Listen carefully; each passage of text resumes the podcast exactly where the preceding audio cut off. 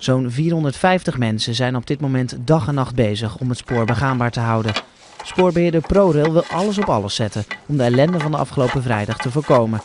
Treinen reden toen met grote vertragingen en vele viel zelfs helemaal uit. Schoonmaakploegen maken voornamelijk de wissels schoon die voor de ellende kunnen zorgen. Een van de grote problemen met die wissels is, is dat er steeds ijs invalt. Uh, en dat ijs komt dan natuurlijk weer van uh, wagons en treinen af.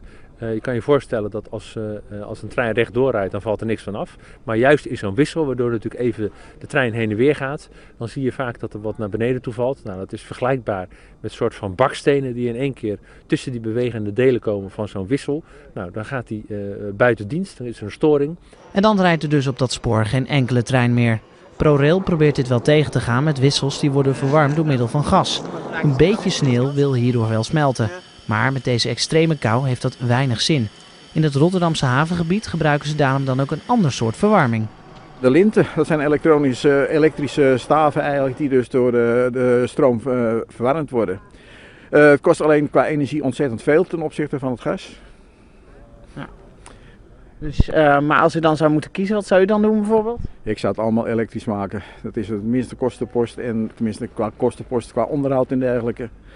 En dat uh, werkt altijd. Elektrische linten kosten dus in aanschaf meer, maar zijn uiteindelijk goedkoper. ProRail is de ellende ook wel goed zat en kijkt nu dan ook naar deze duurdere optie. Nou, wat we in afval gaan doen, en dat is natuurlijk ook afgesproken met de minister, dat we in afval onderzoek gaan doen. Want wij willen dit soort situaties natuurlijk ook niet. Dat zal natuurlijk ook iedereen begrijpen. Wij balen daar natuurlijk ook van. Uh, om te kijken wat we nog verder kunnen doen, wat we nog meer kunnen doen in onze voorbereiding. Om te zorgen dat dit soort uh, zaken niet kunnen plaatsvinden. En ProRail zal ook echt een goede keuze moeten gaan maken. Want de Tweede Kamer en de minister zijn deze provisorische oplossing meer dan zat.